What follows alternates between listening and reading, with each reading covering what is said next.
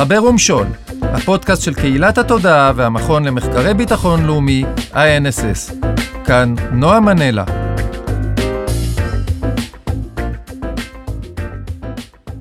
אהלן, בוקר טוב. טוב. אה, שלום, אני נועה מנלה. היום אני פוגש את אה, ערן עציון, דיפלומט, סגן ראש המועצה לביטחון לאומי לשעבר, וכיום יזם מדיני לשיחה מאוד לא דיפלומטית. אהלן, ערן. בכיף, אהלן. אז קודם כל, שאלה ראשונה, בכלל שנבין, מה זה יזם מדיני? אני יודע, יש יזם בהייטק, יש יזם בו, יש יזם... מה זה יזם מדיני? אתה מקים מדינות? אז יזם מדיני זה תואר שאני המצאתי, אה, שהייתי צריך אה, להחליט מה זה הסך הכל של הדברים שאני עושה מאז שעזבתי את המערכת המדינית-ביטחונית הרשמית, שזה היה לפני שלוש שנים. כמו שאמרת, כשהייתי בתוך המערכת עשיתי כל מיני תפקידים, גם בצד היותר מדיני, גם בצד היותר ביטחוני, מוצר לביטחון לאומי, משרד החוץ. תמיד הייתי יזם מדיני בתוך המערכת הזאת, גם אם זה לא היה ממש חלק מה, מהתואר שלי. ומאז שיצאתי, אה, וכחלק מההבנה שלי על החוסרים שקיימים בתוך המערכת, אמרתי שהמערכת הזאת זקוקה לתגבורים מבחוץ, מכל מיני סוגים, והיא זקוקה ליוזמות וליזמות, שזה דבר שבתוך המערכת לאורך שנים היה מאוד קשה לעשות, ובשנים האחרונות נהיה עוד יותר קשה לעשות. אתה יכול לתת דוגמה? יש לך איזה דוגמה למה אתה קורא יזמות uh, מדינית? כן. Uh, למשל, מונח מאוד מעניין, דרך אגב. למשל ב- בתחום הישראלי-פלסטיני. כמו שאתה יודע, התחום הזה נשען כבר במשך uh, עשורים על uh, רעיון מאוד uh, קשיח, שמוכר ב- בכל מיני שמות, אבל השם שהכי מוכר בו זה שתי מדינות לשני עמים. ואני הבנתי כבר לפני זמן רב שההסדרה הקלאסית, או, או הצורה הקלאסית שבה מנסים לקדם את הרעיון הזה לא תצלח, מהרבה מאוד סיבות, אתה רוצה אפשר לדבר על זה, ונדרשים רעיונות חדשים. כשהייתי בתוך המערכת אנחנו ניסינו לקדם כל מיני רעיונות חדשים ויצירתיים, ולא ממש הצלחנו, בעיקר כי הדרג הפוליטי לא היה מעוניין בזה, וגם בדרגים המקצועיים, מערכת הביטחון, כמות אחרים. יש קשב מאוד מוגבל ורמת uh, תעוזה, נקרא לזה, מאוד מוגבלת מול דרג פוליטי שלא מעוניין באמת לקדם הסדר.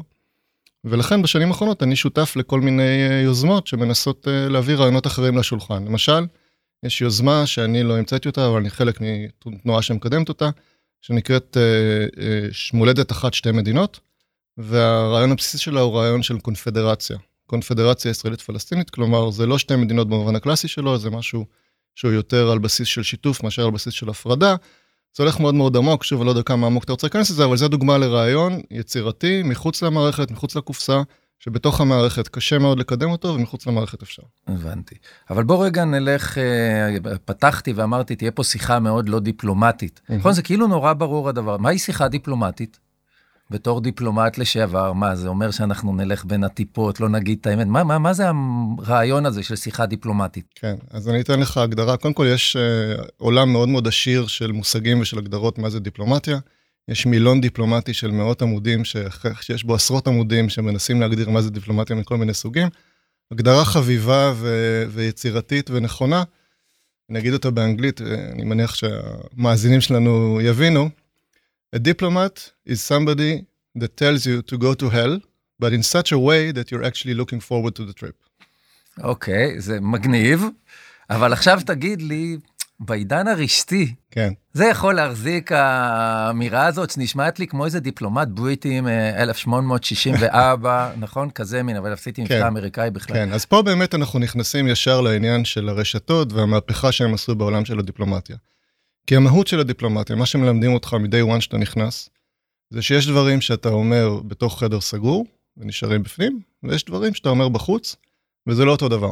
יש לזה אפילו המשגה שונה, יש דיפלומטיה, נקודה, שזה מה שאמור לקרות בתוך חדרים הסגורים, בין, בין שליחים רשמיים של מדינות, לבין דיפלומטיה ציבורית, public diplomacy, מה שבעברית קלוקלת קוראים הסברה. הדברים שאתה אומר בחוץ, והם הרבה פעמים, או לפחות בד... בדיפלומטיה המסורתית, fucking תעמולה. הם שונים, כן. ההסברה שלנו זה התעמולה שלהם ולהפך. ומה שאתה אומר בחוץ אמור להיות שונה ממה שאתה אומר בפנים. מה שקורה בשנים האחרונות, יותר ויותר, uh, כנראה שקו פרשת המים בעניין הזה זה ויקיליקס.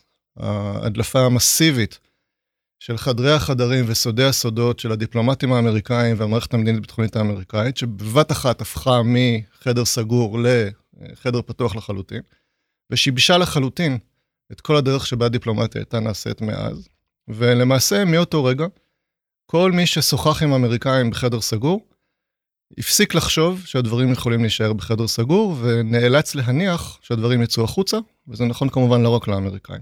לזה הצטרפו כל מיני פרשיות של האזנות וכל מיני דברים אחרים והדלפות נוספות. יצא מזה שההבחנה הזאת בין diplomacy ל public diplomacy למעשה התמוטטה. ואז מגיע טראמפ. ואז מגיע טראמפ. תגיד לי, וכשאני אומר לך טראמפ, מה אתה מרגיש? אמ, כלפי דיפלומטיה, נעזוב עכשיו את הדעות שלו ממקומות אחרים, מה הוא עושה לדיפלומטיה? מה... כדיפלומט, אני מעניין אותי לשמוע. אמ, קודם כל צריך, אני, אני בדרך כלל לא אוהב שעושים פרסונליזציה של מגמות אסטרטגיות. כי בין אם טראמפ, זה משפט uh, מורכב. בין, בין אם טראמפ היה קיים או לא, הדברים קרו לפניו ויקרו גם אחריו, והם קורים בתאוצה הולכת וגוברת. כלומר, הסיפור הזה של ההתמוטטות של הדיפלומטיה הקלאסית, טראמפ הוא, הוא, אני לא אומר שהוא לא רלוונטי אליו, אבל גם בלעדיו היינו, היינו מנהלים שיחה דומה, אוקיי? עכשיו, אחרי שאמרתי את זה, כן, טראמפ אה, הוא מייצר בכוח האישיות שלו ובכוח המודוס אופרנדי שלו, שהוא באמת אה, הולך חזק מאוד על, אה, על מה שפעם קראו public diplomacy, ולמעשה איזו תצורה חדשה, גם של פוליטיקה וגם של מדיניות חוץ, באמצעות בעיקר הטוויטר שלו. וזה מייצר disruption מטורף. אתה קורא, ואני שומע את זה גם באופן אישי מכל מיני אנשים שם במעגלים היותר קרובים, פחות קרובים, בממשל, שהדבר הזה יוצר אה, כאוס מטורף בתוך המערכת. חלק גדול ממה שפעם אה, ניסו לעשות בתוך מערכות כאלה היה מה שנקרא שליטה במסר. וכל הרעיון הוא שיש לך אה, ממשל מסודר, שיש מערכת שקובעת את המסרים, והאמריקאים היו, זה שוב, בבית ספר לדיפלומטים מלמדים אותך שהמערכת הכי טובה בעולם בשליטה במסר, זה משרד החוץ האמריקאי, והאינטר אייג'נסי וכל התהליך שקורה שם עם ישיבות מסודרות וכולי וכולי. הדבר הזה נגמר.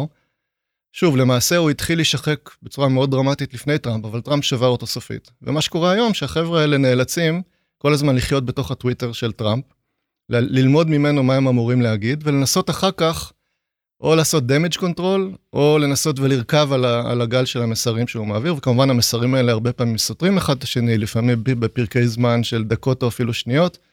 וזה מייצר uh, כאוס, פשוט כאוס. אז תגיד לי, איך דיפלומט מהעולם הקדם רשתי, שלא מחובר לרשת ולא מבין את העולם הזה, איך הוא מצליח, ל... הרי בשבילו זה, זה זוועת עולם, זה, זה הגיהנום הדיפלומטי, נכון, במלוא עוצמתו. נכון, הוא לא מצליח. הוא לא מצליח. אני אספר לך רגע סיפור קטן לפני ארבע שנים בערך, הצעתי למשרד החוץ באיזה מפגש, להקים את צבא ההגנה הדיגיטלי למדינת ישראל. אמרתי להם, אתם לא יכולים לשלוט במסר, ועשרה אנשים המסכנים שלכם לא יכולים בעצם להילחם מול ה-BDS והחמאס וכל ההתארגנויות האלה, בואו נקים את הדבר הזה. הם לא הבינו על מה אני מדבר. היום יש יוזמה פרטית שנקראת אקט IL, שבעצם מייצרת אה, תעמולה אה, מאוד מעניינת אה, למדינת ישראל, כש... נושא המתקפה האחרון שלהם זה רוג'ר ווטרס. ראית את הדבר הזה? כן, ראיתי. יש הרבה, לא רק הם. יש, השדה הזה נהיה מאוד מאוד uh, רחב, אבל לא, בדרך כלל לא ביוזמה ממשלתית, אלא ביוזמות פרטיות. נכון, אז מה שראיתי זה שבעצם הממשלה קצת רוכבת על הדבר הזה. משרד ההסברה, האסטרטגיה, כן. אני כבר לא יודע את השמות האלה. המשרד לעניינים אסטרטגיים, כן. אבל לפני שלוש שנים או ארבע שנים, הם לא הבינו על מה מדובר, זה נראה להם uh, כאוס מוחלט. כן, כשאני הייתי ראש התכנון המדיני, זה היה בשנים 2008-2013, אה, אנחנו uh, התחלנו לעסוק בהשפעה של רשתות חברתיות ורשתות בכלל על, uh, על דיפלומטיה ועל משרד החוץ הישראלי. היה קשה מאוד בתוך המערכת באמת לייצר את ההבנה של עד כמה הדבר הזה הוא דרמטי. שאלנו את עצמנו למשל, חיבור מעניין בין העולם הישן לעולם החדש, האם משרד החוץ צריך שגריר לפייסבוק? וואלה. תחשוב על זה, שגריר לפייסבוק. זה היה כבר לפני הרבה מאוד שנים, כשפייסבוק הייתה בערך עשרה אחוז ממה שהיא היום. אבל הבנו שיש לזה פוטנציאל מאוד משמעותי, ואמרנו, רגע, בוא, בוא נמנה מישהו, שזה יהיה התפקיד שלו, והוא יהיה אחראי על גם ניתוח של מה המשמעויות של פייסבוק, גם עבודה, ישיר, עבודה דיפלומטית מולם במובן של קשר. אז זה מדהים, אבל אתה יודע שדנמרק פתחה שגרירות בפאלו אלטו? כן, מעניין. שהיא שגרירות הייטקית, כל הרעיון שלה זה מול אה, פייסבוק, אפל, כל מי שיושב שם, לא משנה, אבל הרעיון של השגרירות זה לטפל בחברות הטכנולוגיה הגדולות שהשפע... שבעצם משפיעות על התודעה שלנו. אתה יודע, זה יישמע יותר מדי uh, טפיחה עצמית על השכם, אבל אני הייתי קונסול בסן פרנסיסקו בין 96 ל-2000. כשהגעתי לשם הייתי חף מכל ידע על מה זה סיליקון וואלי. אחרי שהבנתי מה זה, אני שלחתי מברק למשרד החוץ, והצעתי לסגור את הקונסוליה בסן פרנסיסקו ולפתוח קונסוליה בפאלו אלטו. וואלה. אז, מתוך, אז מתוך אני הבנה מניח- שגם רגע, עבור אז- מדינת ישראל, שם לב העניין. זה מאוד מעניין, כי הרציונל, שה- הרציונל המקורי של הקמת קונסוליה בסן פרנסיסקו, זה שוב, מראה לך את ההבדלים בין העולמות. למה בסן פרנסיסקו העיר? כי שם יושבת קהילה יהודית משמעותית. ואני אמרתי, באיזון, וכמובן גם תחת אילוצים של משאבים שתמיד היו במשרד החוץ, וזה רק נהיה יותר גרוע, בואו, אנחנו יכולים, היהודים יסתדרו בלעדינו. ממילא אנחנו לא מכירים בהם כיהודים פה בכלל, נכון? זה, זה, זה סיפור אחר. אז מי צריך? אבל לטובת שאתה מסתכל על כל האינטרסים של המדינה, גם בהקשר הכלכלי, וכן, גם בהקשר האסטרטגי הרחב והמשמעויות של סיליקון וואלי, הרי כל תעשיית ה aerospace, זה גם כן סיליקון וואלי, זה לא רק ההייטק החדש. אמרתי, בוא נסגור פה ונפתח שם. ובוא נביא קונסול, שזה מה שהוא יודע לעשות. נו, אז אני, אני מניח שהשגרירות הזאת, או הקונסוליה הזאת, נמצאת בפאלו אלטו ומשגשגת בגדול, נכון? כמובן, וישראל חיה במרס. כן, ואז דנמרק מקבלת את כל הכותרות, וכולם כותבים על השגרירות הראשונה בעולם בפאלו אלטו. אתה יודע, אני רוצה להקריא לך מה שאמר אה, רוברט צ'ילר, הוא זכה פרס נובל לכלכלה, נדמה לי 2013 או 2014. הוא אמר ככה, זה מאוד מעניין, שזוכה פרס נובל לכלכלה, שזה באמת איש העולם מהשם בכלכלה ומתיאוריות ומודלים. הוא אומר ככה, בעידן הרשתות, הכלכלנים חייבים להבין לעומק נרטיבים רשתיים, כדי שיהיו מסוגלים לבנות תיאוריות כלכליות רלוונטיות. עכשיו, אני אומר, בוא נחליף את המילה כלכלנים ותיאוריות כלכליות בניהוליות, פיקודיות, חינוכיות, שיווקיות, מיתוגיות, דיפלומטיות. אז בעצם איזה נרטיבים נכנסו פה, חוץ מהעובדה עכשיו שיש איזה נשיא צייצן?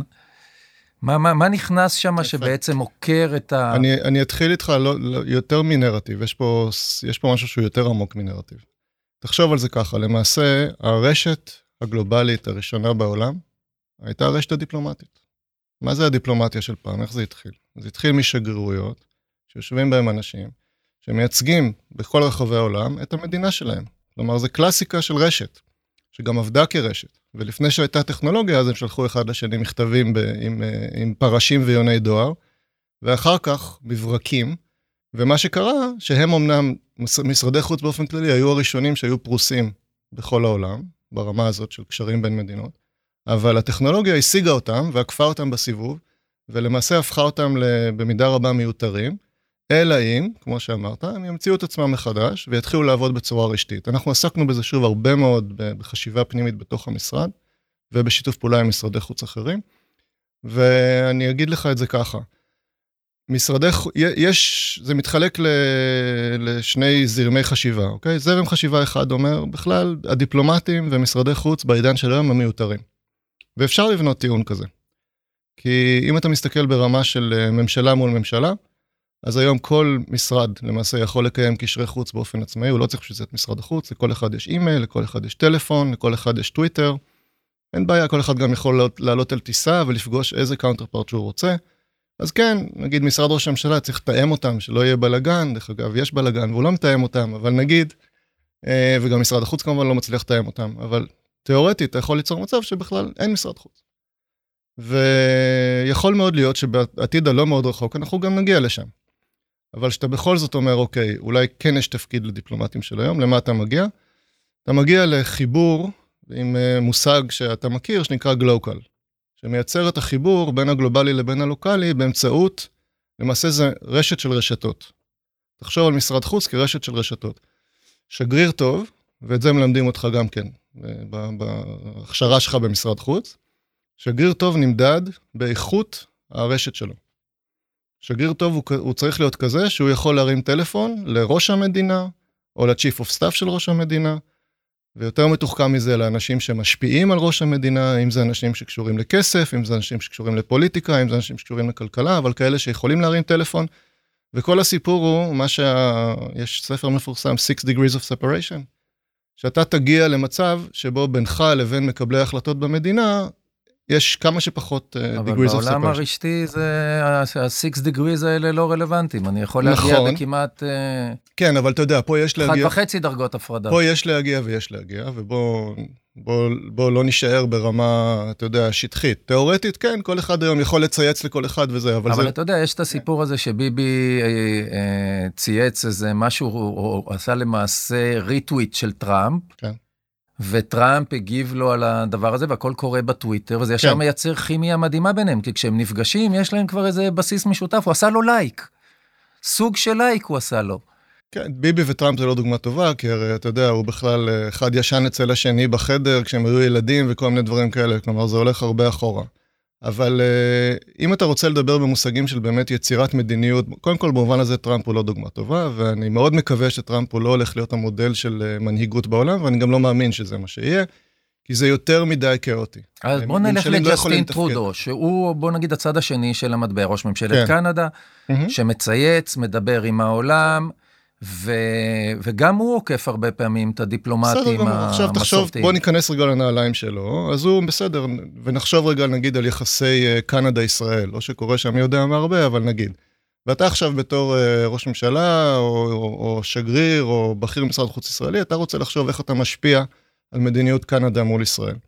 אתה צריך שגריר בשטח, שיש לו יכולת, כן, לדבר עם טרודו, לארח אותו, להתארח אצלו לארוחות ערב, ארוחות צהריים, ארוחות בוקר, מה שזה לא יהיה, להכיר את המעגל הקרוב של טרודו, לדעת בדיוק מי משפיע עליו יותר או פחות ולהיות בקשר איתם, את המעגל שמשפיע על אלה שמשפיעים וכולי וכולי וכולי. כלומר, זה סוג אחר של עומק ורוחב של רשת, שאין שום מצב שאתה יכול להשיג אותה אם אתה יושב פה ואתה מצייץ בטוויטר.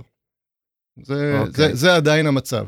ומשרדי חוץ של היום, במיטבם, זה מה שהם אמורים להיות אה, מסוגלים לעשות, וזה נוגע גם לעולם של הפוליטיקה וההשפעה. אז אולי משרד החוץ בכלל לא צריך ל- להתעסק בהשפעה על דעת הציבור, כי אין לו את הכלים, את היכולת, את ההבנה, את הידע whatsoever, והוא צריך להתעסק עם העשרה אה, דיפלומטים מהצד השני, ולהבין מי קרוב למי, וללחוש על אוזנו, כמו לפני 200 שנה. אולי בעניין הזה כל- דווקא השמרנות היא נכונה. אז קודם כל, בליבה, אני מסכים איתך. ואם היית עכשיו מאלץ אותי, נגיד, להחליט אה, על איזה חלק של משרד החוץ אני מוותר, על החלק שעושה את הדיפלומטיה או על החלק שעושה את הדיפלומטיה הציבורית, ללא ספק הייתי מוותר על הדיפלומטיה הציבורית. בואו נקרא לדיפלומטיה הציבורית כשמה כן היא תודעה. זאת אומרת, ניסיון כן. להשפיע על התודעה שלנו. דרך אגב, בואו נעשה איזה תרגיל קטן מהמם. בתודעה. אה, אני אומר לך איזשהו משפט, תגיד לי מה אתה מבין. סטיב ג'ובס אמר, הכל התחיל בגלל עכבר קטן. על איזה עכבר אני מדבר? של המחשב. נכון, אבל בואו נראה כמה קל להזיז קצת את המגירה במוח. את אותו משפט, הכל התחיל בגלל עכבר קטן, לא אמר סטיב ג'ובס, אמר וולט דיסני. מה קורה לנו עכשיו? מיקי מאוס. נכון, זה מיד, מיד משנה לנו את הפרשנות, יש כאילו נוירונים אה, אחרים שזזים במוח. מהמם. אז אולי משרד החוץ, אין לו את היכולת להזיז את הנוירונים האלה אצלנו. והוא צריך להיפרד מזה, ואנחנו צריכים לפתוח את זה להמון ולשגר אותו לכל מיני משימות, כמו, או להפריט. להפריט את הדבר הזה, אם- בכל זאת שיהיה איזה ניהול על מלמעלה, כמו אק- אה, אקטייל. כן. זה מה שהחמאס עושה. החמאס עושה אה, אה, עכשיו, בעצם יש לו צבא תודעה, הוא מעביר לו איזה מסרי על, הוא מייצר פלטפורמה שדרכו הוא יכול לשאוב, כל אחד יכול לשאוב את המסרים, ויאללה, לכו, צייצו, דברו, תגידו. הקרב שהם מנהלים כרגע, שהוא פשוט מדהים לראות את הדבר הזה, זה 100 שנה לבלפור. מהמם. זה פשוט מדהים, ומעלים אה, אה, גם אה, צילומים אה, בלייב של צבא התודעה שלהם, אז אולי זו הדרך הנכונה לעבוד. הם יושבים בעזה והם משפיעים בכל מקום. לא צריך שגרירות עכשיו בניגריה. אני אגיד לך את זה ככה, ראשית, וזה לא נעים לחשוב על זה, אבל זה המצב. בעולם הזה של השפעה על התודעה, הדמוקרטיות נמצאות בנחיתות והדיקטטורות נמצאות בעמדת יתרון. או, מעניין. זה שפוטין אה, הצליח לעשות מה שהוא עשה בבחירות בארצות הברית, שעוד לא הבנו עד הסוף מה הוא עשה, אני אומר לך, זה היה מבצע ההשפעה והתודעה הכי מוצלח בהיסטוריה, לדעתי. וזה שהסינים עושים מה שהם עושים, מה זה נקרא אצלך הצלחה?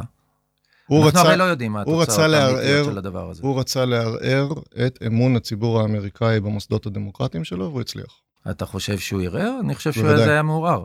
האמון היה מעורער, אנחנו יודעים, קודם. נתוני האמון הם אתה מזעזעים. צודק, הוא היה מעורער גם קודם, אבל הוא הצליח לעשות מה ש...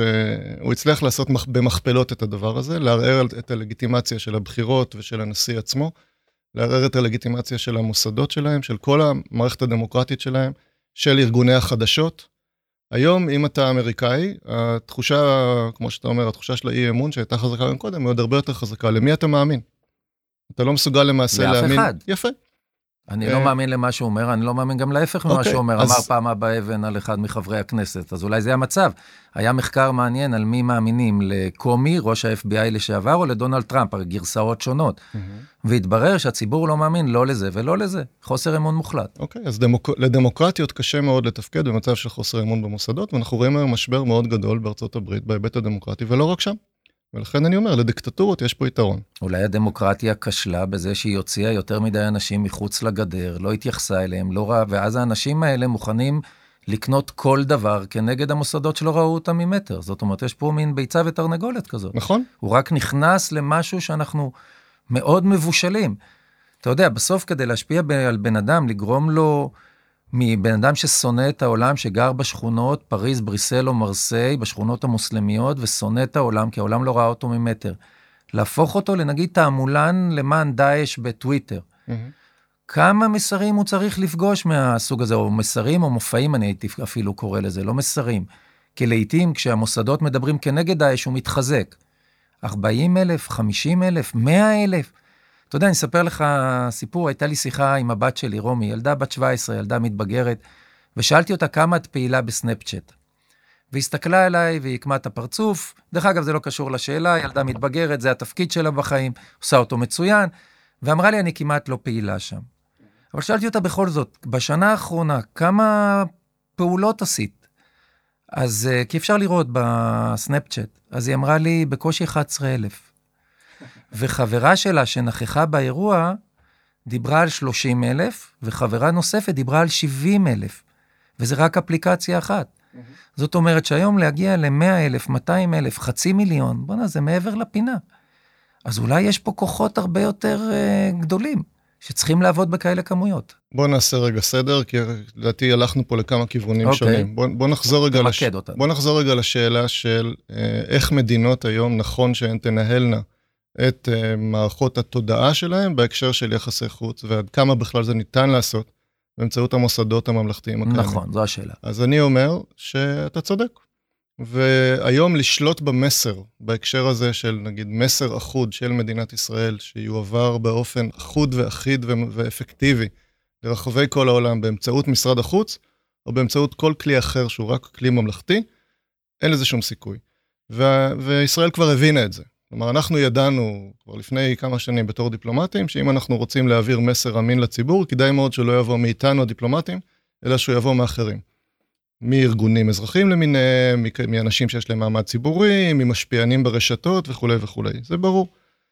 אבל שוב, נחזור לעניין של דמוקרטיה מול דיקטטורה ושליטה במסר, תחשוב על זה שברגע שאתה עושה outsourcing להעברת המסרים הלאומית והממלכתית שלך, ואתה למעשה מוציא את זה משליטתך, משליטת הממשלה לצורך העניין, אתה לא שולט יותר במסר, מה שיקרה כתוצאה מזה, למשל זה שוברים שתיקה, זו דוגמה קלאסית.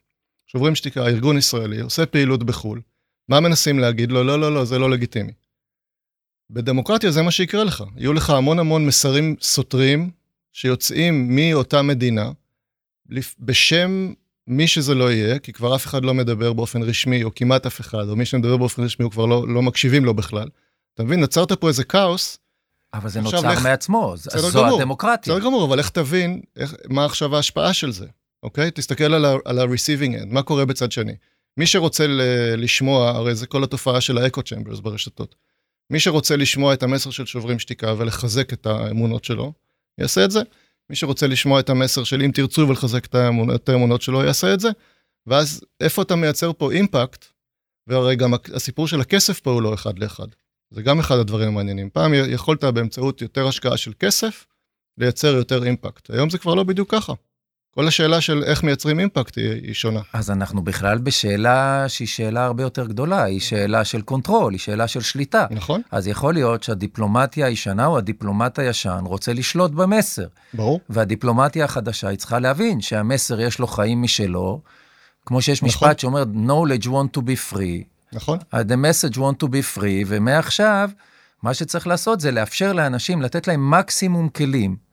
אבל בסוף זה, יש לזה חיים משל עצמו. נכון, אבל עכשיו בוא נתחבר למה שאמרנו קודם, כי, כי נכון להסתכל לא רק על מה שאתה משדר, אלא גם על מי הצד השני ולמי בדיוק אתה רוצה לכוון. כי בגלל שהיום כל אחד מאיתנו חשוף, כמו הבת שלך ויותר מזה, למיליון ואחד מקורות, אתה צריך מראש לטרגט את אותם גורמים במדינת היעד שלך, שהם אלה שמעניינים אותך, ולוותר אולי על אחרים. להגיד, אוקיי, מתוך, אה, אם נלך לדוגמה של קנדה, יש נגיד סתם 30 אחוז שהם תומכים הארדקור בפלסטינים. חבל על הזמן בכלל, לא נתעסק איתם. יש 30 אחוז שהם במילא איתנו, אז גם איתם אפשר לא להתעסק. ואם יש איזשהו אמצע, אז בואו נמצא אותו, נטרגט אותו, נחשוב איך פועלים עליו, באיזה כלים וכולי וכולי. כי בגלל שהעולם הנה, הוא כל הנה, כך הנה רווי... הדיון, הנה הדיון. כן. הדיון הוא, בוא נחשוב על איזה כלים. ואני אומר, בוא נשחרר את כל צורת החשיבה הזו. בוא נבין mm-hmm. שכל התרגות, הניסיון נורא לדייק הזה, לא יכול לעבוד במערכת הזאת, למרות שפייסבוק היה רוצה שנחשוב ככה, אז אם אני מוכר לך מכונית, יכול להיות שאני יכול, כי הוא יודע מי עכשיו מתעניין, והוא מסתכל על מילות מפתח. אבל בגדול, בוא נחשוב שנייה שאנחנו מייצרים מערכת שהיא מערכת תודעתית חופשית. אנחנו מייצרים פלטפורמה, ואם יש עכשיו אירוע 100 שנים לבלפור, אנחנו קוראים לאנשים, כנסו לפלטפורמה הזאת, תמשכו תמונות, סרטים, וואטאבר, ותעשו עם זה מה שאתם מבינים. Mm-hmm. חלקם ישתמשו בזה נגדנו. אבל יכול להיות שזה הכלי המרכזי, שזה מי זה ש... אנחנו עכשיו? זה המדינה? שהיא תייצר את זה? אנחנו המדינה, מי, כן, הגוף כן. הזה של משרד החוץ, יש לו אינטרס עכשיו 100 שנים לבלפור, או לחלופין, אני יודע מה, 29 שנים לייסוד החמאס. ואז זה, נכנסים זה רעיון לשם. זה רעיון בסדר, כמה הוא יצליח אני לא יודע, כי ברגע שזה אה, מאגר שמזוהה עם משרד החוץ, אז הוא מראש צבוע. ואם, ואם תעשה אותו כן, כמאגר שלא מזוהה עם משרד החוץ... מזוהה לגמרי. מזוהה משרד החוץ, אז אתה יודע, אז אה, מי שישתמש בו זה מי שממילא כנראה היה מגיע לחומרים האלה. לא בטוח, מפני שאם אני אדם בבית, תומך mm-hmm. ישראל, אוהב את הרעיונות שלה, אני מוכן לעשות משהו למענה, אבל מה אני יכול לעשות? אז פה ושם אני תוקע איזה ציוץ. הזכרת בעצמך. אבל עכשיו פתאום יש לי סרט, פתאום יש לי תמונה. אבל יש לך היום המון. אם, אתה, אם היום אתה בן אדם כזה ואתה רוצה להגיע לחומרים האלה, אין לך שום בעיה. נכון, יש, אבל... יש מיליון אני... ארגונים אזרחיים שעושים את זה. אבל כאן אתה מכניס חומרים שהם רלוונטיים לאותו איבנט. אתה עובד בזה, אתה מייצר תשתית, ועכשיו אני נהיה...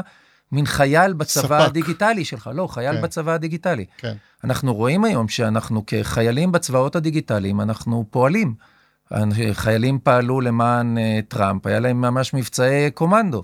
הם החליטו בכל מיני רשתות כמו פורצ'ן וגאב, שהן רשתות אנונימיות, לצאת למבצעי תודעה, נגיד היום בשמונה בערב, אנחנו יושבים בקורסה, כל אחד בקורסה שלו, ומשמיצים את הילרי קלינטון שהיא מושחתת, שהיא אני לא יודע מה. ופתאום אנחנו רואים uh, מאות אלפי uh, ציוצים ופוסטים. אז אולי זה עובד הדבר הזה. אז קודם כל גם ישראל עושה את זה. לישראל יש היום בכל מיני דרכים רשתות שהיא מפעילה של כל מיני ארגונים שעושים את זה. וכנראה באפקטיביות לא קטנה, כי עובדה שה-BDS לדעתי מרגיש שהוא נמצא במגננה. ואם עד לפני כמה שנים הם די שלטו, ב, לפחות באגפים מסוימים של, ה, של המרחב, אני חושב שהיום הם, התמונה די השתנתה. נעשתה השקעה ונבנתה תשתית, ואנחנו היום במצב יותר טוב, וגם יש איזה עניין, איזשהו עניין של שחיקה בזמן. אבל אני, אם אני מנסה להסתכל קדימה, אני, אני מטיל ספק עד כמה גם המודל הזה הוא, אה, הוא sustainable. כי הרשת הולכת ונהיית יותר ויותר אה, עמוסה, הכמויות של המידע הן גדלות בצורה אקספוננציאלית, וכולנו היום חשופים להרבה הרבה יותר מידע ממה שאנחנו יכולים לעכל, ולכן לדעתי, זה איזושהי מחשבה מאוד ראשונית, אבל לדעתי צריך לחשוב לא רק על הצד של השידור, אלא על הצד של הפילטרציה. כלומר, תיכנס רגע לנעליים של מקבל מסר פוטנציאלי, איזשהו אזרח תמים שיושב באירופה. סביר להניח שבפילטרים שיש לו היום, לא יודע אם אתה תגיע אליו, ואתה צריך לחשוב על איך אתה מתגבר, או איך אתה כן מצליח בסופו של דבר לטרגט את אותם אנשים שאתה תרצה להגיע אליהם. כי אנשים היום, לדעתי, שוב, חשופים ליותר מדי מסרים, מסננים החוצה במהירות מאוד מאוד גדולה. Uh, השאלה של עד כמה אתה בכלל אפקטיבי בהגעה, to begin with, ובסופו של דבר גם בהשפעה ובשינוי תודעה, היא שאלה שקשה מאוד לדעתי למדוד אותה. ואז אני חוזר שוב למודל הבסיסי. ברמה של השפעה על מדיניות, אז יש את, את ה top down, שאתה רוצה לנסות ולהגיע לאותם מקבלי החלטות והסביבה שלהם, שאתה יודע מי הם ואתה יכול להגיע אליהם, בדרך כלל באמצעים שהם לא דיגיטליים. ואת ה bottom up, ששם אתה חייב לעשות איזשהו סינון, אתה לעולם לא תוכל להשפיע על 100% מדעת הקהל הקנדית, אין לך אפילו מה לנסות.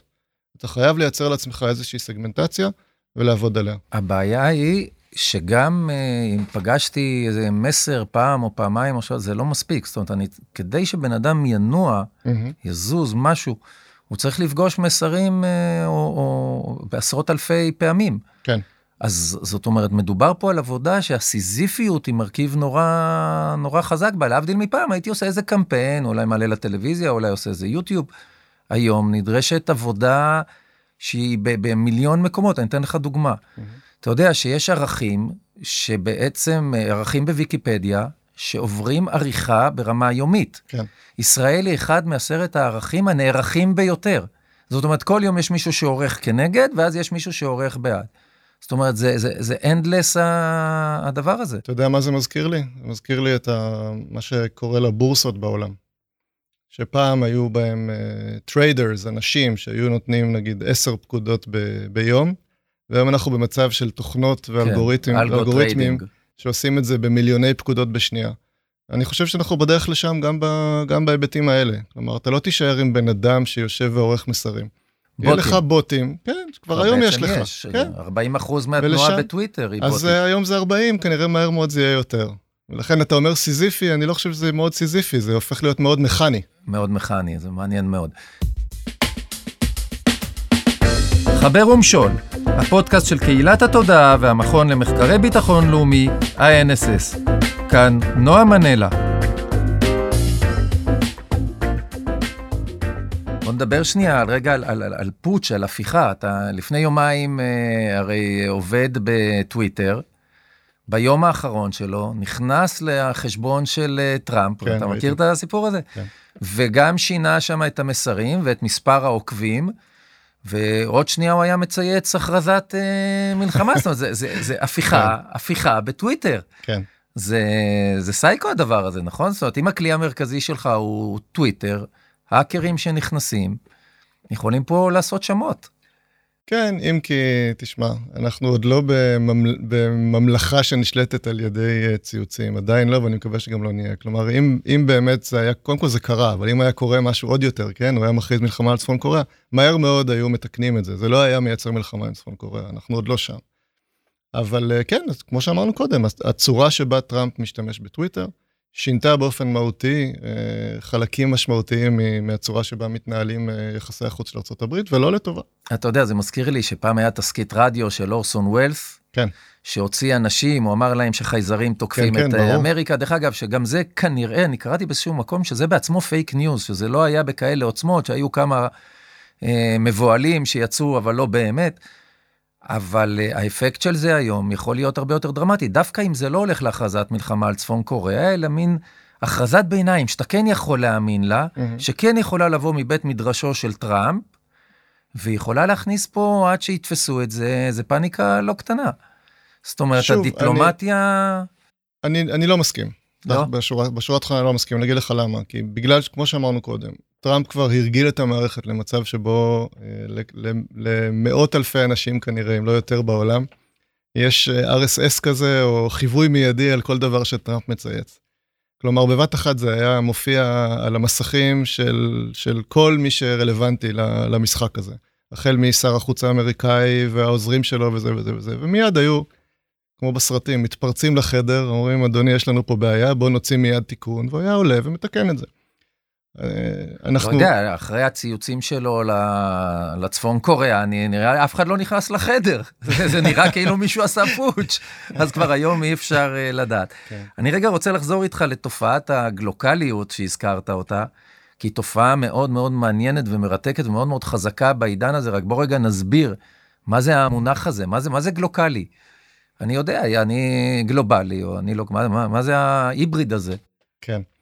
אה, זה, זה באמת הייבריד של תופעות שהן אה, קורות ברמה הגלובלית, כמו למשל טוויטר, עם uh, תופעות שהן עדיין מאוד מאוד אנדמיות, מאוד מאוד ייחודיות לסביבה לוקאלית. כלומר, אותו טוויטר, יש לו אפקט מסוים, נגיד במדינה כמו ישראל, ויש לו אפקט אחר לגמרי במדינה כמו סעודיה. כי זה תוצאה של פקטורים מקומיים, אה, החל מדברים טריוויאליים כמו שפה, ועבור בדברים אה, יותר מורכבים כמו חופש ביטוי ותרבות ויחסים בין דת ומדינה וכולי וכולי. אז בוא אני אציע לך רגע עוד איזה חשיבה על הדבר הזה, תגיד לי מה אתה חושב על זה. ככל שאנחנו נעשים יותר גלובליים, mm-hmm. בו בזמן אנחנו נעשים יותר לוקאליים. זאת אומרת, הבן אדם הגלובלי, זה לא שבמקביל אליו נהיים אנשים יותר לוקאליים, אלא הבן אדם הגלובלי הוא בעצמו נהיה יותר לוקאלי, ובעצם בגלל שאנחנו מרגישים שאנחנו מאבדים קצת את היסודות התרבותיים שעליהם אנחנו עומדים, אנחנו גם מתכנסים פנימה, ואז אולי קטלוניה כזאתי, היא חלק מהסיפור, כי הרי ברצלונה וקטלוניה זה הכי גלובלי בעולם, נכון? והקבוצת כדורגל והתיירים. כן.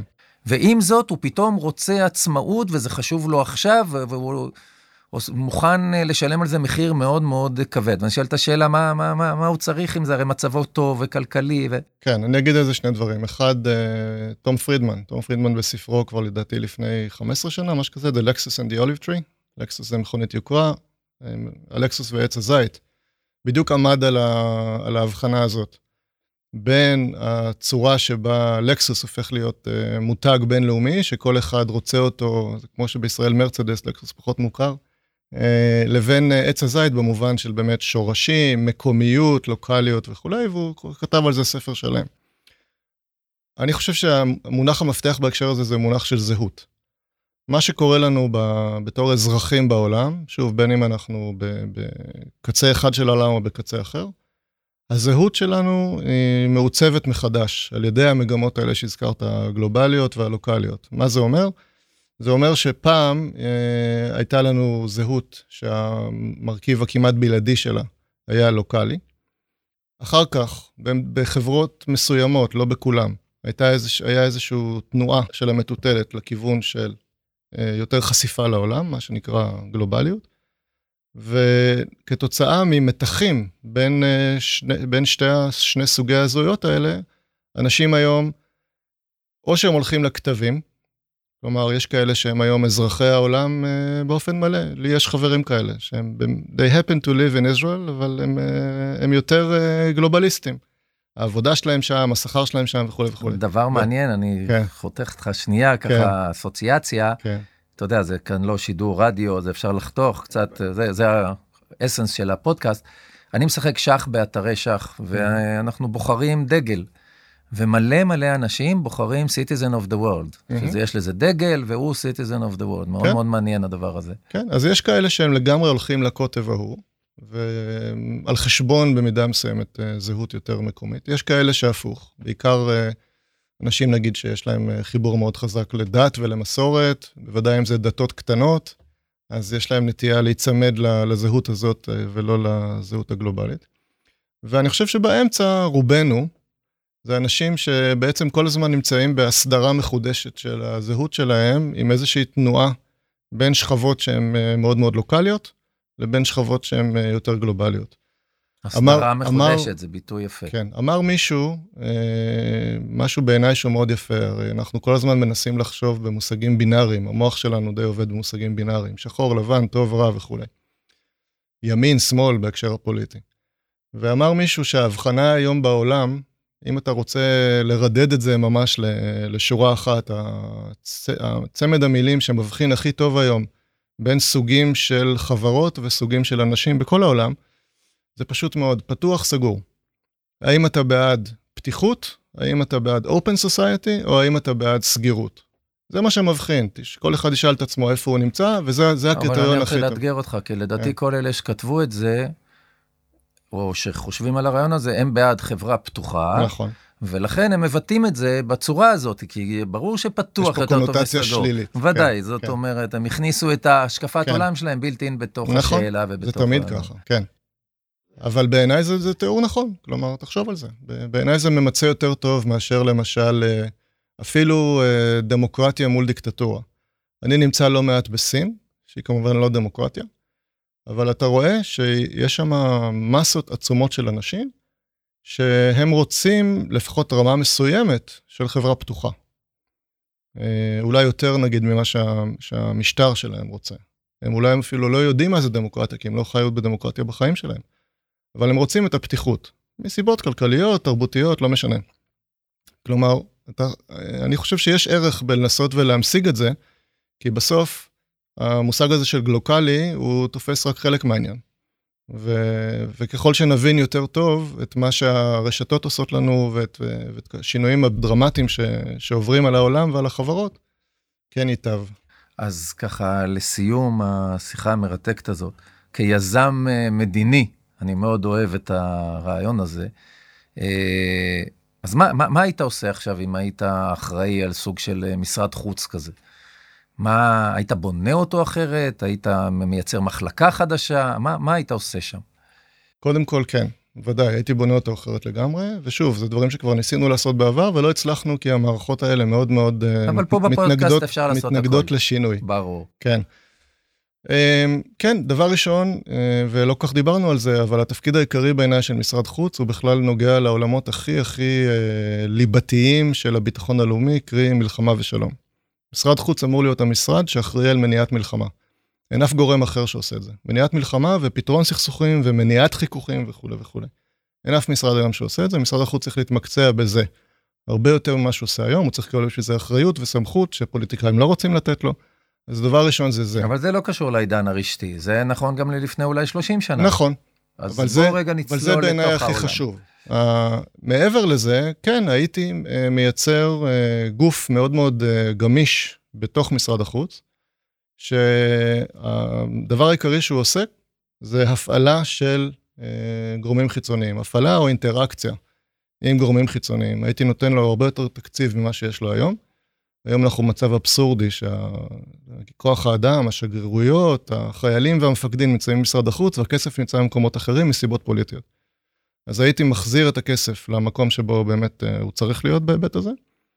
הייתי מרענן מאוד את, uh, את ההכשרות ואת כוח האדם ואת המתודות ואת כל המודוס אופרנדי של, uh, של מי שעוסק בתחומים האלה במשרד החוץ. ויש שם אנשים מצוינים, שלדעתי היום מוגבלים על ידי המערכת, ואפשר לעשות, לעשות שינוי בדבר הזה. הייתי סוגר חלק לא קטן מהנציגויות שלנו. יש לנו היום למעלה מ-100 נציגויות, אפשר להסתפק בהרבה פחות מהם ולהעצים ולחזק מאוד את, את אותם אלה ש, שהם כן עדיין חיוניות. דוגמה קטנה שדיברנו עליה קודם, זה באמת למשל להעביר את סן פרנסיסקו מהעיר לפאלו אלטו. ושוב, עולם שפחות דיברנו עליו, אבל הוא כן מאוד קשור לעולם הרשתות, זה כל הנושא הכלכלי. משרדי חוץ בעולם היום, יש להם אה, יכולת להביא הרבה יותר uh, עסקים ונכסים כלכליים למדינה ממה שהיה פעם, אם הם אה, ממוקמים נכון ועובדים נכון. והזכרת את uh, דנמרק, נדמה לי. דנמרק היו חלוצים כבר לפני כמה שנים, הם הפכו את הקונסוליות שלהם ואת המחלקות הכלכליות בשגרירויות שלהם למרכזי רווח. זה משהו שהוא זר לחלוטין לתרבות של uh, שירות ציבורי. תחשוב על זה, נספחות מסחרית נגיד בשגרירות דנמרק בישראל, היא צריכה להראות שהיא מביאה תשואה על ההשקעה בה, באמצעות עסקים. ואם היא לא מביאה את זה, סוגרים אותה. יחידות רווח והפסד אה, מדינתיות. כן.